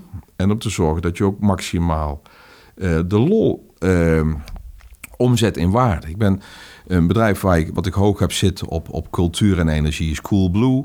Dat is niet alleen fris en fruitig. Op internet krijg je wachttherapie, filmpjes. Nou, dat is allemaal lachen en leuk. Maar ook in de, in de zaken kom je binnen. Mensen hebben het naar hun zin. High-fiven elkaar, geven je fantastisch advies. Eh, zeggen van, ah, weet je wat, probeer het 30 dagen. Kun je hem nog terugbrengen? Nou, ik, ik, ik, ga nooit meer ergens anders kopen. En, maar dat kan dus ook in een ziekenhuis en ook in een school en ook binnen Defensie. Als mensen lekker kloppen, krijg je een andere dynamiek in, in samenwerken, in, in, in, klantwaarde. En ehm, daar zijn, dat moet de focus zijn van leidinggevende. Dus duurzaam, inzetbaar, maximaal kwispelend en optimaal waarde. En een, vraag, als je naar generaties kijkt. Eh, wat ik veel merk is, ehm, je hebt nu de generatie I die net onder mij zit. Ik zit eh, rond de 30, 31, 30. kunnen we wel.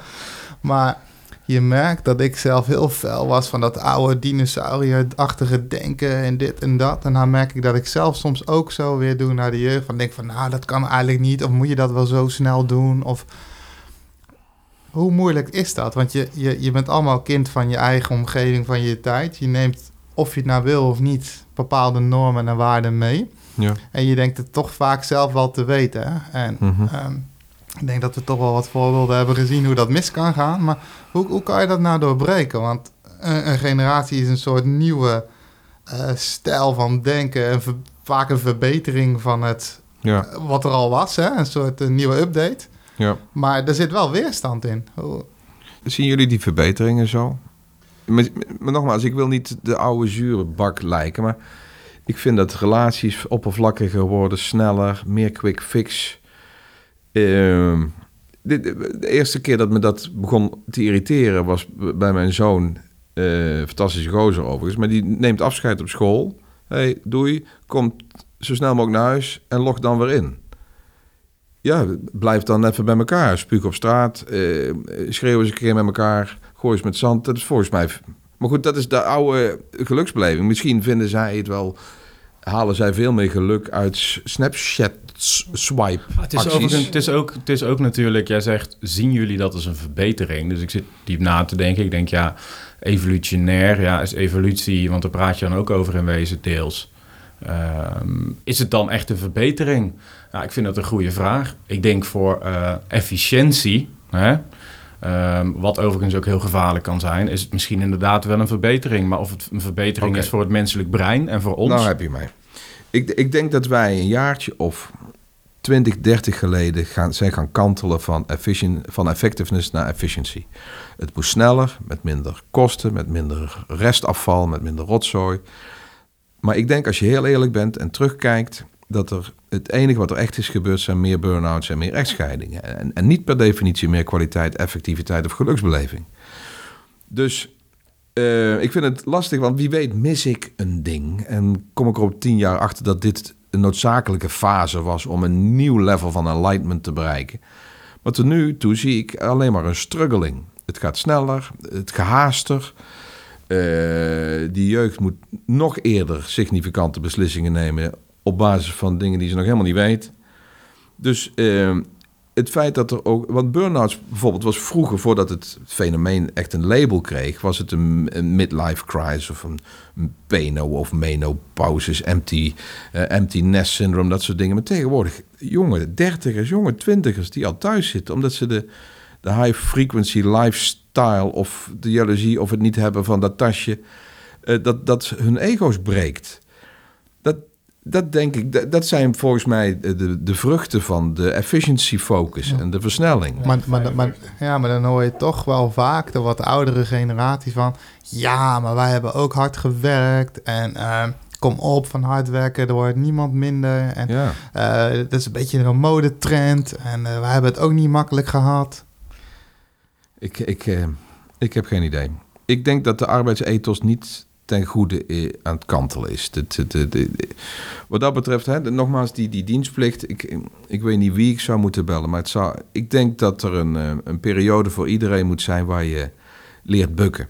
Leert zweten, leert snappen dat je niet kunt zeggen: Dit doe ik niet, want zoek, zoek het maar uit met je team. Eh, dus conformiteit, eh, autoriteitsgevoeligheid zijn toch wel bouwstenen die, waar je wat aan hebt. Ik, ik heb eh, eh, politie, eh, een man in mijn vriendenclub die mij zo nu dan bijpraat over de frustratie van hun werk. Dan heb je die, die bloody nekklem discussie gehad waar Twitter op, op plofte bijna. En als ik dan praat met, met agenten, die, die staan niet op 's ochtends, douchen zich fris, vers blouseje, met een drive op, om op een atelier te gaan zitten. Zij willen lichamelijk contact met name vermijden. Maar waar, wat ik dan eh, jammer vind in de manier waarop het in de eh, publieke opinie wordt eh, gesproeid, is wat, wat ge- gebeurt. Die neklem is, en die man is overleden, is vreselijk. Dat is echt, echt heel kwalijk. Maar wat gebeurt er die half uur voor die nekklem? Als er 16 keer wordt gezegd: meneer, wilt u uw handen uit uw jas doen? Wilt u op uw knieën gaan zitten? We moeten even naar het kantoor. En daar wordt niet naar gekeken. dus eh, wij openden mooi hè, met eh, eh, fundamentalistisch eh, vredelievend. Ehm, sommige mensen vinden een aantal ideeën van mij redelijk radicaal. Maar ik- als we het in verhouding doen, is het denk ik best goed. Ik wil multiculti. ik wil maximale diversiteit. Er is niks zo mooi als verschil. Verschil geeft groei, verschil geeft dynamiek. Verschil kun je doorleren. Maar alles wat verschil eh, of samen in de weg zit, mag best harder aangepakt worden. Als je toch. Ik word niet. Ik krijg geen nekklem. Als een agent mij aanhoudt en zegt: meneer, wilt u even uitstappen? Dan ga ik niet spugen. Dan ga ik niet vloeken. Dan ga ik niet wat jij nou. Dan ga ik gewoon uitstappen, want er is iets aan de hand. Dan moet ik even luisteren. Dus de arbeidsethos is aan het veranderen, maar ook de, de, de, de, de, de, gewone sociale omgang. Als je, ik denk nog geen, nog geen 15 jaar geleden, als de politie ergens kwam, dan stoof men weg uit angst van wat zal hè, je ouders horen. Tegenwoordig is de komst van de politie geeft aanleiding tot meer energie, strijdenergie. Ik heb een socioloog horen eh, vertellen, of het was een column, weet ik niet meer, dat, dat eh, Project X, haar, haar, dat dat niet gebeurd zou zijn als de politie, was, eh, de ME was weggebleven. Dan hadden 6000 man daar eh, 16 kilometer coniferen eh, geel gepist en dan waren ze gewoon naar huis gegaan, want er was niks meer aan. Maar toen kwam de ME en toen werd het leuk. Dus de komst van de sterke arm der wet geeft tegenwoordig een katalysatie van strijdenergie. En waar ligt dat aan, denk jij? Ligt dat Nou- aan hetgene wat we op tv zien, wat we in sociale media zien? Je hebt games die, waar je mensen gewoon letterlijk door een kop schiet. Eh, Ja. Is dat goed voor de mens? Ik, ik, denk dat het allemaal wel een beetje meespeelt. Ik, eh, ehm, wat, er zijn een aantal heilige huisjes die om zijn. De kerk had vroeger veel meer macht. Hè? Dus de pastor of dominee had samen met de burgemeester en de hoofdcommissaris echt wel iets te zeggen eh, in het dorp. Tegenwoordig eh, vallen die opleidingsinstituten weg. En ik heb niks met heilige boeken. Het zijn man-made documents. Dat is door mensen gemaakt. Maar het heeft wel een functie gehad. Vreemd genoeg, ik, ik vind geloof hartstikke mooi totdat er volgers komen. En dan krijg je stront aan de knikker. En het lullige is dat ik, ik niet, niet zou wensen dat de wereld zonder religie is. Want het houdt wel, het is een soort wielklem voor barbaren. Maar dat is wel heel sneu dat dat, dat soort boeken alleen nog maar een functie hebben in het eh, voorkomen dat mensen, dat er nog meer elkaar gaan doodschieten. Maar ik, ik, eh, er komt ook niks voor in de plaats. Er, er is geen eh, kerk voor social skills. Er is geen moskee voor, voor congruentieleer. Dus er zijn wat gaten die nou opgevuld worden door vloggers, bloggers, schreeuwers en... en die vullen nou eventjes de gaten, maar dat is niet de bedoeling. Want die geven denk ik niet de juiste educatieve prikkels die onze jeugd nu nodig heeft. Dus ik heb er ook geen oplossing, want dat vacuüm moet gevuld worden. Het liefst met eh, extreem vredelievende partijen. Eh, eh, Kijk, ik, ik heb geen journalistiek gestudeerd en ik, ik, ik, ik heb daar ook geen, geen meter ervaring in. Maar wat ik zie gebeuren op een afstand is dat sommige kanalen, de mainstream kanalen, eh, eerder shit uitbuiten om hits en likes te scoren dan dat ze genuanceerd, eh, ook de fake news engines en weet ik veel wat er allemaal gebeurt. Dus ook daarvoor geldt, eh, wie heeft de meeste macht? Wie heeft het grootste publiek?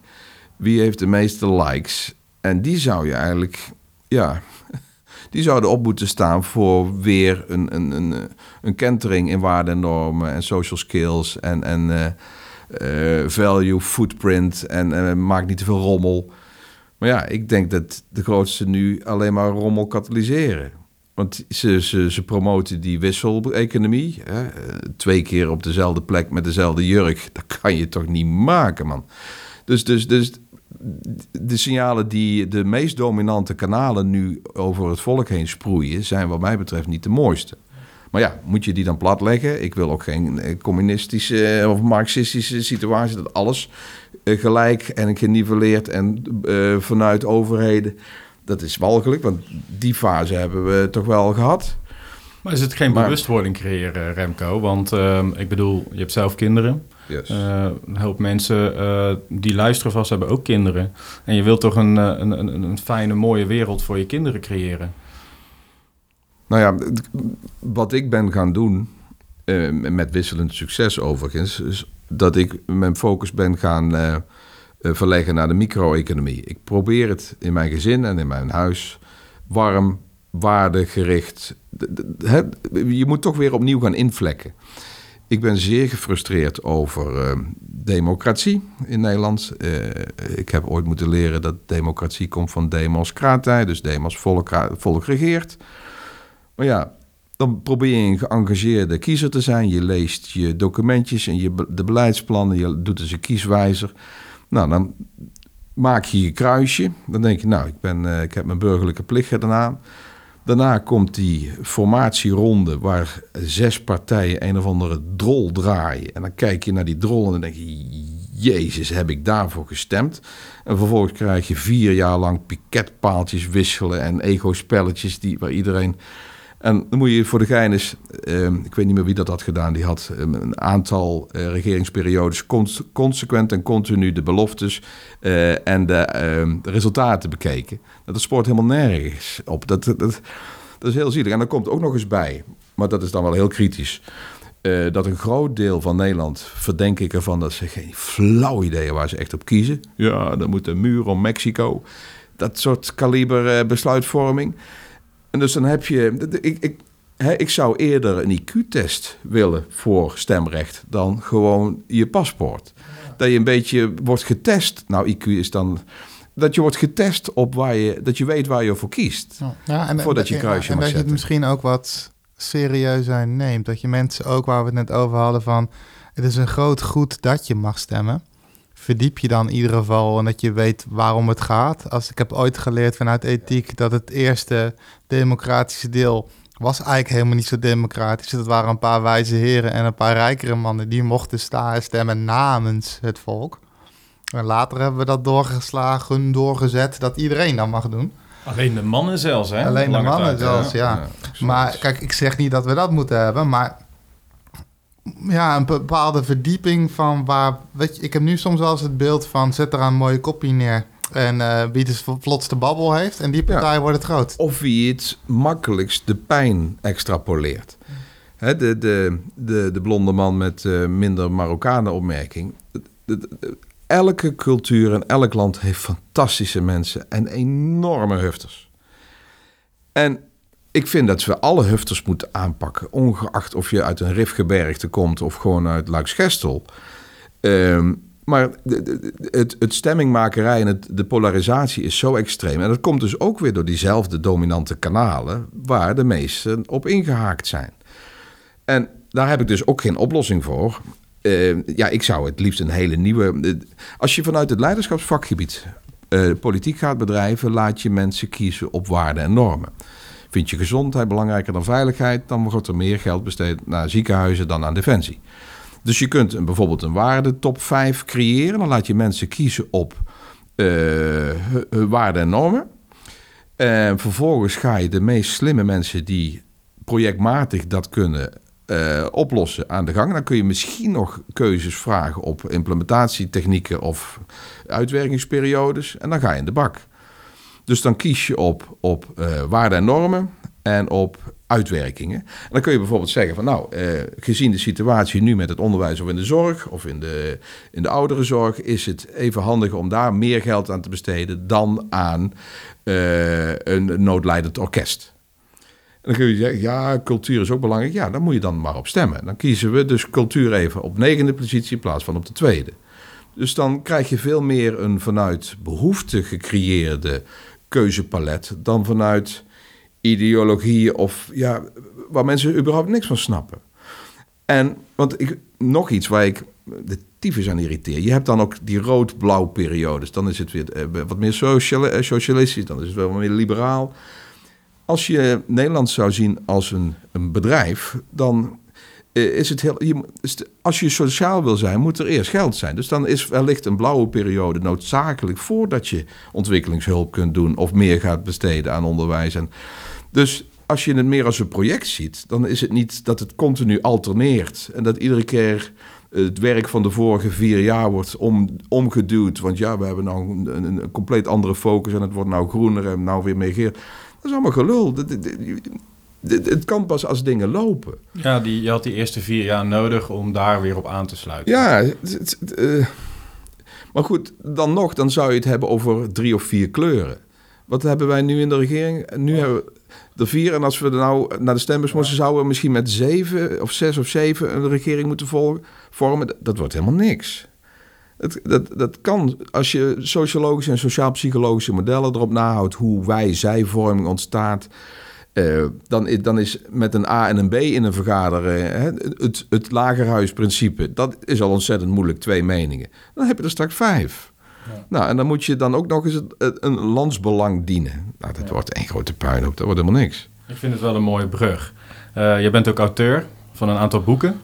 Ehm, ik hoor je nu eigenlijk wel, je zegt van ja, ik heb geen oplossing. Tegelijkertijd hoor ik je wel drie eh, eh, suggesties eh, doen. Ja, maar die zijn daarvan- utopisch, denk ik. Ja, nou ja, dat weet ik niet. Ik denk wel dat er... eh, de, de, de dingen die je beschreven hebt, die zijn waar. Dat is hoe het er nu op dit moment uitziet.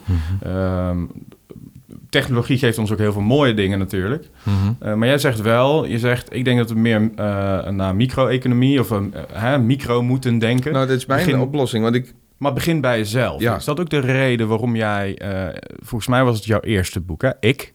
Is dat ook de reden waarom je dat toen geschreven hebt? Dat was de fase waar ik toen in zat. eh, ontdekken dat je maximaal begeleid toch op een compleet verkeerde carrière-route kunt komen. Dus toen had ik zoiets van: hé, hey, mensen moeten eerst kwispeldiagnostiek doen voordat ze überhaupt de gedragslagen en de talentdimensies gaan bekijken. Dus eerst wat geeft of kost energie en daarna ga je kijken hoe je dat gaat blenden met wat je kan. Dus ik kan sales, maar ik bleek geen verkoper. Ja, maar ik heb wel al die testen overleefd. Alles klopt. Myers-Briggs klopte, Jungian Types klopte, de, de, de, de, de klopte zelfs met mijn salescarrière.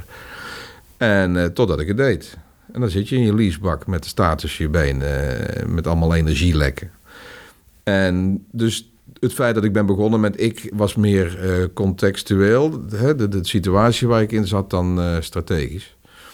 Achteraf blijkt het fucking briljant te zijn, maar dat is dus per ongeluk. Je moet beginnen bij jezelf. En hè, social sk- skills kun je pas ontwikkelen als je lekker in je vel zit. Dit is overigens wel ook de boodschap die, eh die Mogo dat mee wil geven. Begin bij jezelf, begin bij je familie, begin bij je kinderen Ja. en ga op zoek naar je ik. Dus wat je zelf ook al zei, die normen en waarden van de mens, waar je het liefst een economie op, eh, eh, of in ieder geval politiek zou bedrijven, Ja. op normen en waarden.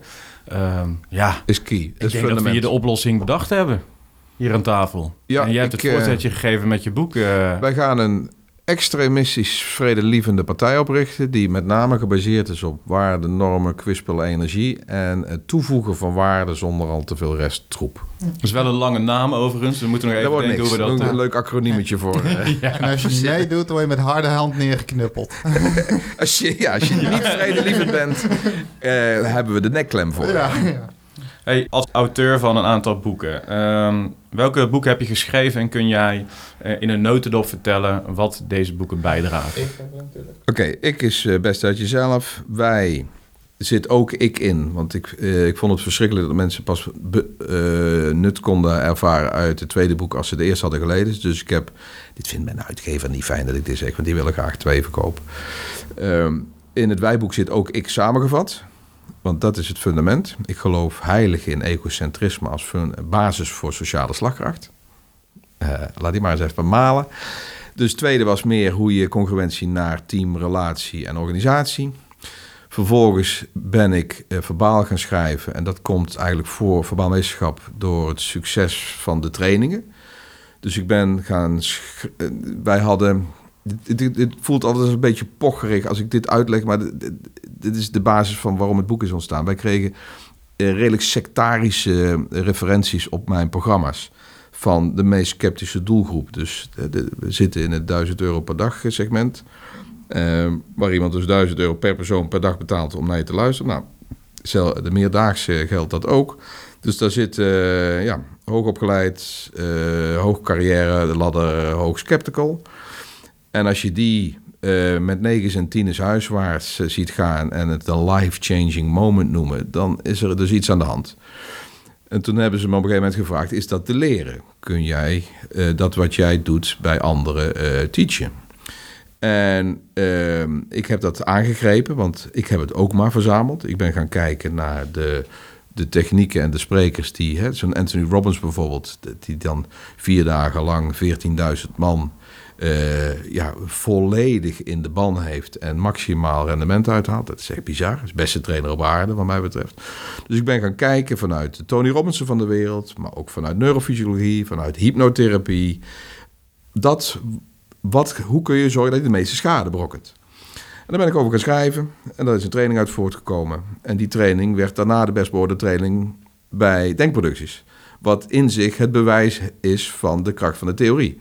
Ik heb dan de meest sceptische doelgroep, die je dan 12 uur lang, ik heb hem vorige week weer gehad, aan de stoel genageld houdt. Met allemaal uh, dezelfde referentie van Jezus. Dat het kan. Ik ben vroeger na 10 minuten al suicidaal in een normaal college. en uh, dus ik bewijs de theorie terwijl ik de theorie uitleg. En, en verbeter me als ik ernaast maar zes jaar achter elkaar al geloof ik dat je die Nee, best veel langer. We, veel- Zijn, uh, we zijn opnieuw gaan tellen. Uh, vanaf de eerste keer dat Verbaal Meesterschap bij Denkproducties was, dat was volgens mij al 13 uh, jaar geleden, is hij de hoogst beoordeelde. Maar goed, dat is dus niet omdat ik hier uh, sta te schouderklopper. Het is het bewijs dat de technieken werken.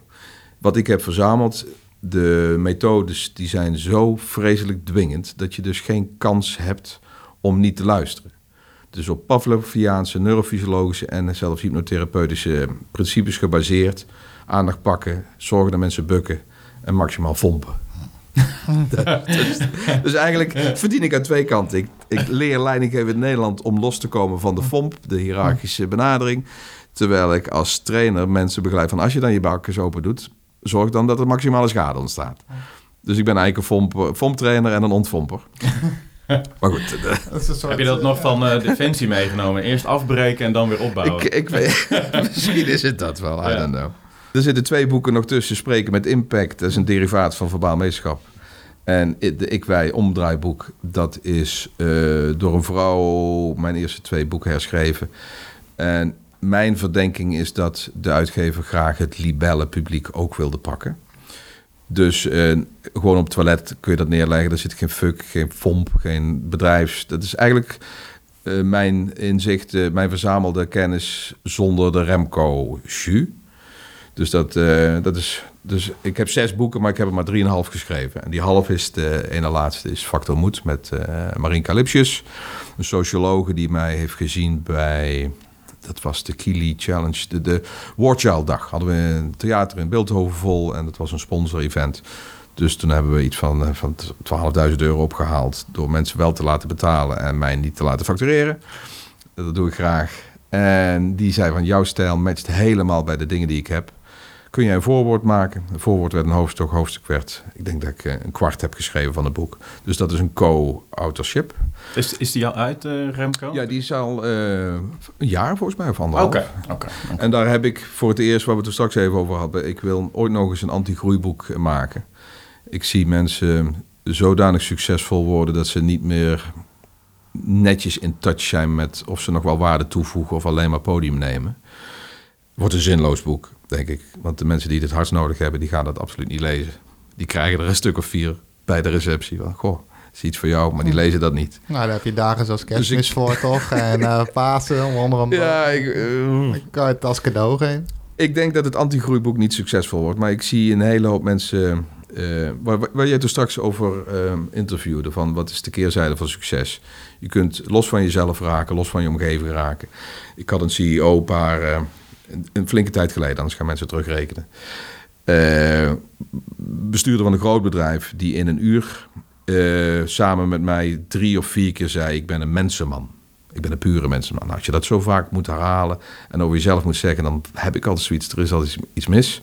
Wat ook bleek, want ik heb ook uh, laag 2 en 3 uh, mensen gesproken die unaniem zeiden: van briljante gozer, strateeg, puur zang, maar zet hem alsjeblieft niet tussen levende wezens, want dat, gaat, wordt het niet. Nou, die discrepantie wil ik doorbreken. Dat je van jezelf denkt dat je een geweldige empaat bent, maar dat je van elk uur dat je bij iemand anders bent er 95% van vult. En niet meer in de gaten hebt dat als je overal podium claimt of spotlight jat, dat je ook anderen in de schaduw zet. Kan dat overigens wel. Um, een Ja. ongelofelijke, want Elon Musk bijvoorbeeld... Hè, Ja. Misschien worden we ooit zo bekend dat hij teruggeluisterd, vertaald... Krijg je nog het Hij schade weet het niet, hè. Maar ehm, op Mars, hè? nou, ik heb zijn boek wel eens eh, doorgelezen... en er kwam wel naar voren dat hij eh, een ongelofelijke stratege is. Gewoon een, Ja. een harde ook, maar een hele harde ook voor zijn personeel. Kan dat wel beide? Ik, dit heeft ook weer te maken met eh, omgaan met verschil. Ik denk dat zo'n man, ja, je ziet wat hij teweeg heeft gebracht op wereldniveau, dat het briljant is. Maar je moet hem niet in een directie zetten met alleen dat soort energievelden. Er moet dus een ja-maar-gast bij en, en, en, en een mevrouw die wat meer de mensen maakt. En daar heb ik zo ook nog wel een opmerking over. Die vrouwen aan de top, heb ik ook nog wel mening over die ik wil delen. Dus, dus ik denk dat mensen maximaal ingezet moeten worden op hun kracht. En dat alles wat ze niet kunnen, maximaal uit hun invloedssfeer gehaald moet worden.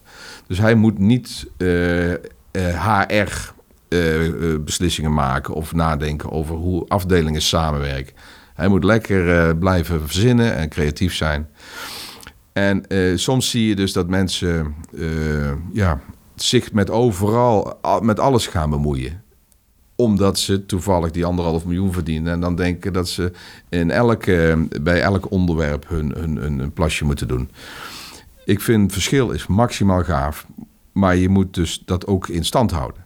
Vaak zie je in Nederland dat, dat directies ontstaan door een directeur die zich omringt met mensen waar die lekker mee schakelt. En dan krijg je dus in potentie de kans dat je één en dezelfde mening drie of vier keer overbetaalt. En die zoeken een soort mini-me van zichzelf soms. Ja, dat, dat, dat geeft geen synergie. Dat geeft geen, eh, geen nieuwe inzichten. En dat wou ik wel zeggen, want daar heb ik pas nog... Ik, ik weet niet of ik daar nog eens een column over maak. Die, die vrouwen, eh, meer vrouwen in de top. Dat is dan zo'n belangrijk thema. Dat willen we hier en daar zelfs gaan afdwingen. Dat er eh, quota komen. En ik denk, oh mijn god. Die, die gelijkwaardigheidsdrang is zo'n scheve kramp aan het worden. Er zijn gewoon verschillen. En die verschillen moet je niet nivelleren, die moet je uitbuiten. Ik denk dat vrouw, ik denk dat eh, ik zou liever vrouwen boven de top willen hebben. Meer in de raden van toezicht, in de raden van eh, eh, eh, commissar, eh, raad van commissarissen, waar je dus, want daar zitten vaak dezelfde Bokito-achtige energievelden dan in de top die ze moeten controleren. Die elkaar dan alleen En versterken. ik ken een aantal vrouwen op topposities en die vind ik enger dan mannen op topposities. Die ze hebben een testosteroniaanse te- strategie eh, eigen gemaakt en die hebben overleefd en gescoord. En ik denk dat die dan eh, man zijn geworden. En al het mooie wat een vrouw in zich heeft, met, met, met andere dimensies aan intuïtie en andere dimensies van empathie, die zijn dan verloren gegaan. Dus proberen te zorgen dat eh, zwaar ge- gewichtheffers net zoveel mannen en vrouwen hebben, dat kan niet. Mannen zullen altijd meer tillen dan vrouwen. Ja, vrouwen zullen altijd makkelijker kinderen kunnen baren dan mannen. Dat is wel een dingetje. Dus ik ben veel meer voor het inzetten op juist verschil. Hè, herkend talent. En dat zijn andere. Wij zijn gewoon anders. Maar is het ook niet zo, omdat ze zo hard hebben moeten eh, knokken, hè, waardoor ze die eh, bijna testosteron gedreven houding hebben gecreëerd, dat als het geaccepteerd is dat een vrouw net zo goed aan de top kan zitten, dat ze niet zo hoeven knokken en dan juist met dat emotionele quotient heel veel kunnen bereiken. Ja, maar dat is tegen die tijd al weg, denk ik. Anders kun je die trades niet doen. Dus waar we het er straks over hebben, dat succes dus kan maken dat je een gestalt wordt. Dat je een identificatie krijgt van je, je, je, je functieprofiel met wat jij denkt dat je zelf bent. En dan raak je lost. Ik denk dat, dat, dat, dat, dat de manier waarop wij de verschillen die de mens heeft, eh, op, dat je ook op die verschillen moet worden ingezet. En dat je niet pro- het het is een nivellering die volgens mij geen voordelen kent. Ik moet niet willen proberen om kinderen te krijgen. Ik kan niet de empathische levels bereiken die mijn vrouw heeft. Op intuïtie, op, op. Dat kan ik niet. En zij kan een aantal dingen niet die ik wel kan. En waarom zou ik dan een beleidsplan moeten uitrollen om te zorgen dat mijn vrouw ook dat kan? Dat zet, ja. Ik denk dat de essentie van dit gesprek, wat wij vandaag over hebben gehad, is mensen in hun kracht zetten. En ik vraag me af of je dat kunt bereiken door een quotum te verzinnen dat genoeg vrouwen dezelfde mannentaken. Ik, Ja, kwispelen ze dan nog wel? ik heb geen idee. Ik, ik kan me best voorstellen dat er vrouwen zijn die dat geloven. Maar volgens mij, als je. Ik heb een, bijzondere vrijage gehad met professor Dr. Bart Fauser, een virtuoloog in Nederland, met Itike Weda, hoogleraar uh, androgyne leiderschap en uh, uh, gender-specific awareness. En die hebben mij dingen geleerd. Marshall Goldsmith, dat, er zijn fundamentele verschillen. Niet alleen die eierstok en die, en die twee ballen. gewoon fundamentele verschillen. En daar, daar zit congruentie mee in lineair verband. Dus wie je bent en wat je wil en wat je kan en hoe je geluksbeleving ervaart, heeft een, uh, uh, ook een relatie met de evolutionaire en fysieke zaken. Dus uh, een, van de, van de eerste confronterende inzichten die er was van Fauser bijvoorbeeld, dat wat, ik help mensen op koers en leiderschap. Kinderwens is dat een cognitief uh, cognitieve beslissing of een fysieke beslissing. Nou, hij is daar keihard van overtuigd. Het is gewoon fysiek. Wij zijn gemaakt om ons voor te planten. We maken oxytocines aan en alle andere hormonale cyclusjes. Die zijn alleen maar bedoeld om te zorgen dat je op zoek gaat naar zaad. En hij beweerde, en dat is best wel eens lastig als ik dat probeer uit te leggen, want dan krijg ik een hoop weerstand. Zeg van kinderwens is dus evolutionary scripting. Is dus bij van nature de natuur. En, maar dan zeg je dus impliciet dat mensen die, vrouwen die geen kinderen willen, dus niet congruent zijn en niet luisteren naar hun intuïtieve signalen. En dat is fucking gevaarlijk, want dan krijg je uh, dynamiek in de zaal.